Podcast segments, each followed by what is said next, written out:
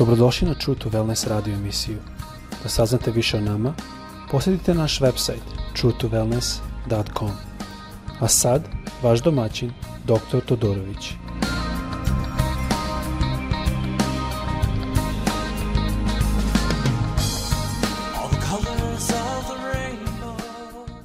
Ljubazni, dobrodošli na naš podcast. Nadam se da ste dobro, da je vaša cela familija dobro i da hodate u gospodu veselo.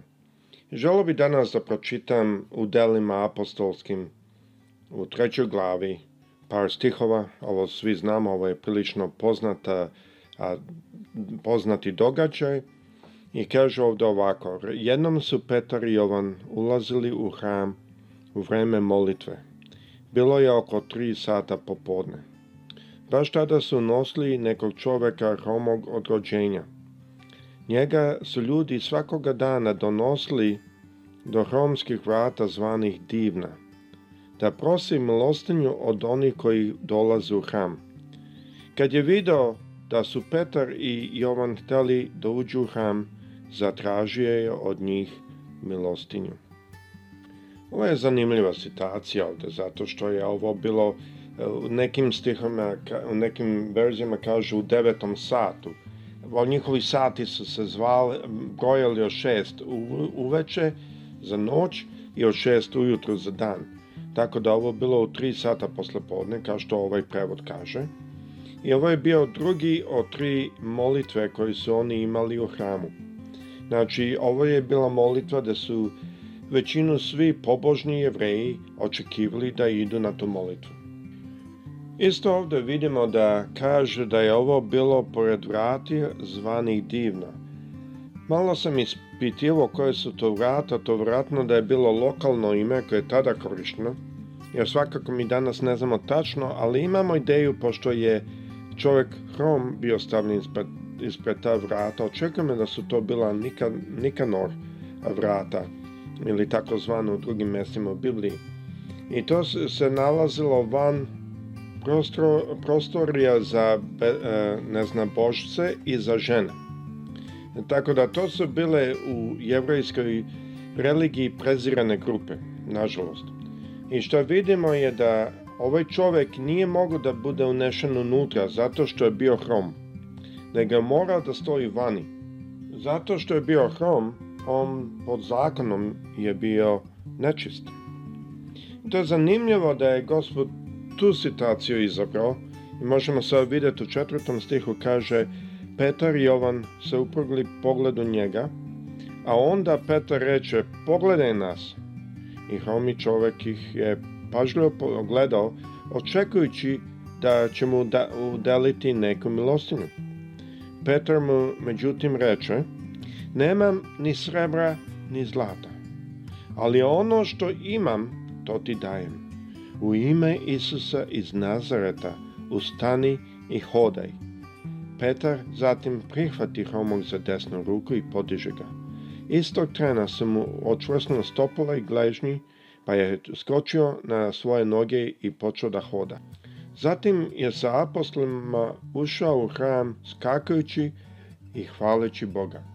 Sada ne znam da li ste vi pročitali i pronašli to, ali I nalazim mnogo puta u, u evanđeljima, pogotovo kad vidimo da Isus je izlečio nekoga, kad vidimo da Isus uradio čudo, obično to posle toga bude propraćeno sa tim što ti ljudi skaču, veseli su i pokušaju da i hvale Boga. I mnogo puta to smeta farisejima i ima više puta kad su fariseji pokušali da ih učutaju. Ali ovo vidimo da je ovo reakcija čuda. Ovo je reakcija kad neko doživi čudo mi moramo paziti, pogotovo mi koji smo malo duže u crkvi, moramo paziti da kada neko doživi čudo, kad neko doživi spasenje, kad neko doživi kontakt sa gospodom, da ne izgubi a, e, to i da ga mi ne kritikujemo. Mnogo puta ljudi kad dožive kontakt, taj kontakt sa gospodom se izražava u telu. I pogotovo ako nisu navikli i nisu naučili, i onda osete da ih Duh Sveti dotakne. Mnogo puta to, to se izražava u telu, možda na način na koji mi ne bi to lično uvek tako navodili. Ali što moramo znati je da je ovo, ovo bilo izlečenje koje se desilo instantno, inkompletno. Ovo nije bilo preko 5 dana, preko 10 dana, neki put tako bude. Ali ovo je bilo izlečenje što se desilo tog momenta. A druga stvar je da vidimo što ovde kaže u ime Isusa iz Nazareta. Što je to zanimljivo, to, ka, to pokazuje da je Petar delovao kao reprezentativac, a izlečenje nije napravio Petar, ili kako ljudi neki zovu Sveti Petar, nije napravio apostol Petar, nije napravio e, Jovan, nego je napravio Isus. Jako je bitno da shvatimo da je ovo Isus koji je napravio ovo čudo, ne niko drugi.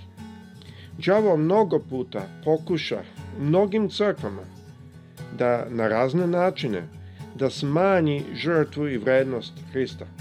U nekim crkvama se mole ovom apostolu, ovom svecu, onom svecu. To ne znači da u tim crkvama ljudi nisu ili neki ljudi nisu spašeni, to ne znači to ali đavo želi što više da na, našu pažnju povuče sa Isusa, zato što je to za njega opasno, na druge stvari, na druge situacije. Ovde isto što vidimo u ovom slučaju je da nema tu puno hokus pokus, ja kažem. Nema tu puno da je e, Petar ovo ili ono. On je prosto rekao u ime Isusa Hrista iz Nazareta ustani i hodaj. That's it. Mnogo puta hrišćanski hod treba da je takav. Ne puno filozofije, ne puno fokusa, nego kad vidimo da Gospod želi da nešto uradimo, prosto predamo se toj situaciji i uradimo to što Gospod želi da radimo. Ali ovde ima dublja priča. Ajdemo se setiti gdje je ovaj čovjek bio. Ovaj čovjek je bio Pored vrata, najvjerojatnije Nikanor a, gate, Nikanor, Nikanor vrata, što je vrata koje vode u odelenje gdje se sastaju neznabošci i žene. Zašto je to tu bilo? Zašto ne unutra? Mi vidimo u drugom slučaju, u Marku dva, druga glava peti stih, gdje su ljudi a, nisu mogli da priđu Isusu, a čovek je bio sa paralizom i oni su otkopali krov Ja ne znam da li bi vi volili da ne, u vašoj kući neko skloni krov da bi mogli doći kraj Isu, Isusa, ali ovi su ljudi uzeli taj rizik. I kako je Isus reagovao? On je rekao, oprašuj ti se svoj de, e, tvoji gresi. Što meni je zanimljivo, odmah su sad i počeli da, da ga optužuju. To je oprilike ista stvar. Pokazuje srce Hristovo. Koje je to srce? Srce za oni koji su prezreni oni koji su spušteni. Ovaj čovjek nije smeo da bude unešen u, u, u hram zato što je on bio hrom. Ali vidite, Isus je polomio sve te regulacije. On je polomio sve te stvari što nas odvajaju od Boga. Ovdje vidimo da je Isus ne samo da to polomio, nego je on baš poslao. Mi možemo zaključiti da Petar i Jovan nisu slučajno išli tim putem, i kroz ta vrata. Nego je on poslanji. Zašto? Zato što je on video bol ovog čovjeka. To opet isto vidimo kad je Isus izlečeno čovjek iz baz, pored bazena što je sedao, mislim, 38 godina, pored Becajskog bazena i Isus ga je izlečio. Vidite Isus, Isusov duh. Vidite na što on reaguje. On ne reaguje na koliko mi dobro znamo i šta mi mislimo. Zato malo kada čitam sve kad hrišćani pišu da ne uzimamo vakcine, da ne radimo ovo, da ne radimo ono, malo me to ume iritirat, zato što vidim da piša ne znaju. Kao doktor mogu prepoznat vrlo lako kad neko piše o nečemu, a ne zna o čemu govori. Jako je bitno kao hrišćani da dovodimo ljudima nazad ohrabljenje, ojačanje, Ne neko e, lomljenje radi toga da bi dobili par likes ili nešto, pronositi nešto što nije istina, samo zato bi dobili par likes. I onda kada neko radi toga umre, onda mi ne znamo da imamo jako veliku odgovornost za ono što smo rekli ili radili. Mi možemo ovde vidjeti da je Isus bio ne samo u ovom primjeru, nego u celom evanđelju svih četiri opisa, po Mateju, po Marku, po Luci, po Ivanu ili Jovanu, možemo videti da je Isus bio taj koji je uvek imao srce za one koje boluje, za one koji su e, prezirani, za one koji su pregaženi, za one koji su spušteni, za one koji ispaštaju. Mislim da je jako bitno da mi kao hrišćani, da prihvatimo taj duh, da prihvatimo to jedno pogled ili gledište, da mi isto tako se obhađamo i e, obraćamo da pomognemo ljudima. Ja sam malo spomenuo vakcinu. Zašto?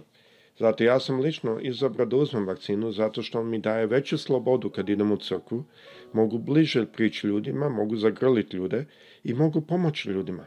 Ne zato što, ja znam da je Bog u, stanju sve, ali on je meni dao razum i ja trebam koristiti taj razum, hvala Bogu. Zato razumemo da mi kao hrišćani trebamo bežati od sve sensualnosti ili stvari što uznemiravaju ljude i umesto što mi trebamo je postati jedan kamen. Da je ljudi koji se plaše mogu da dođu. Trebamo postati jedno sidro da ljudi mogu da se oslone na nas, a ne da mi kao hrišćani još širimo strah i paniku. Mislim da je jako bitno da postanemo jedan čvrst kamen. Ovaj svet ima dovoljno straha i ovaj svet ima dovoljno panike.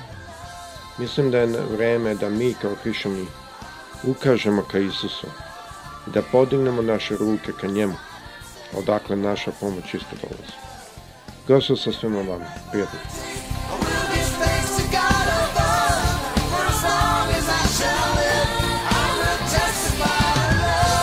Slušajte True to Wellness radio emisiju. Pridružite nam se ponovo svaki utorak, četvrtak i subotu. Za kontakt molimo posjetite naš website truetowellness.com. Naša e-mail adresa je info at truetowellness.com.